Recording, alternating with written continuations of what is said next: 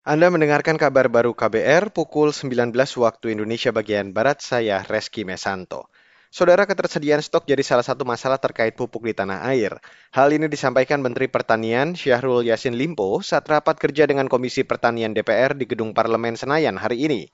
Kata dia dari total rencana definitif kebutuhan kelompok tani atau RDKK 24 juta ton, yang terpenuhi hanya 9 juta ton. Nama masalah pupuk karena ini menjadi memang di mana pun kita turun masalah pupuk menjadi persoalan dan seperti tadi pimpinan atau ketua komisi 4 sudah sampaikan pupuk bertahun-tahun sudah seperti itu dan terus menerus tentu saja Kementan akan disalahkan. Mentan Syarul Yasin Limpo menyebut masalah lain ialah soal selisih harga antara pupuk bersubsidi dan non-subsidi.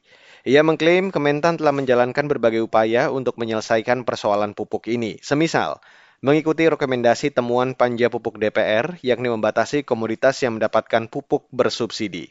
Beralih ke Jawa Timur, Saudara, Kepolisian Resor Jember, Jawa Timur mulai menyelidiki kasus ritual di Pantai Payangan yang menewaskan 11 orang. Kapolres Jember Heri Purnomo mengatakan masih akan terus mengumpulkan bahan keterangan maupun bukti di lokasi kejadian dan lainnya. Sudah melakukan pemeriksaan terhadap 13 saksi baik yang ada di TKP eh, pada malam kejadian, saksi yang melakukan evakuasi maupun saksi dari korban yang selamat. Memang belum semuanya informasi bisa kita dapatkan karena dari saksi yang ada ini masih ada beberapa keterangan yang mereka masih tutupi, namun kami masih upayakan untuk bisa menggali apa yang menjadi fakta dari kegiatan yang telah mereka laksanakan tersebut. Sebelumnya, 11 dari 23 orang rombongan Padepokan Tunggal Jati Nusantara Jember terseret arus air laut pantai Payangan saat meditasi atau ritual di pinggir pantai.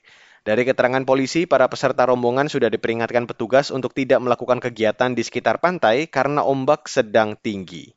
Saudara Amerika Serikat menuding Rusia sengaja melancarkan false flag operation atau operasi bendera palsu sebagai dalih untuk menginvasi Ukraina.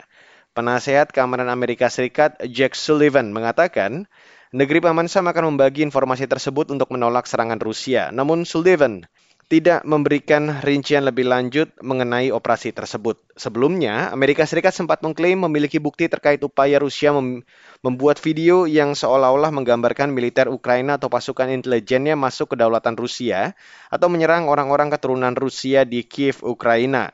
Saat ini konflik di perbatasan Ukraina kian memanas usai Rusia mengerahkan ratusan ribu pasukan di wilayah itu. Amerika Serikat yakin Moskow akan menginvasi wilayah kedaulatan Ukraina.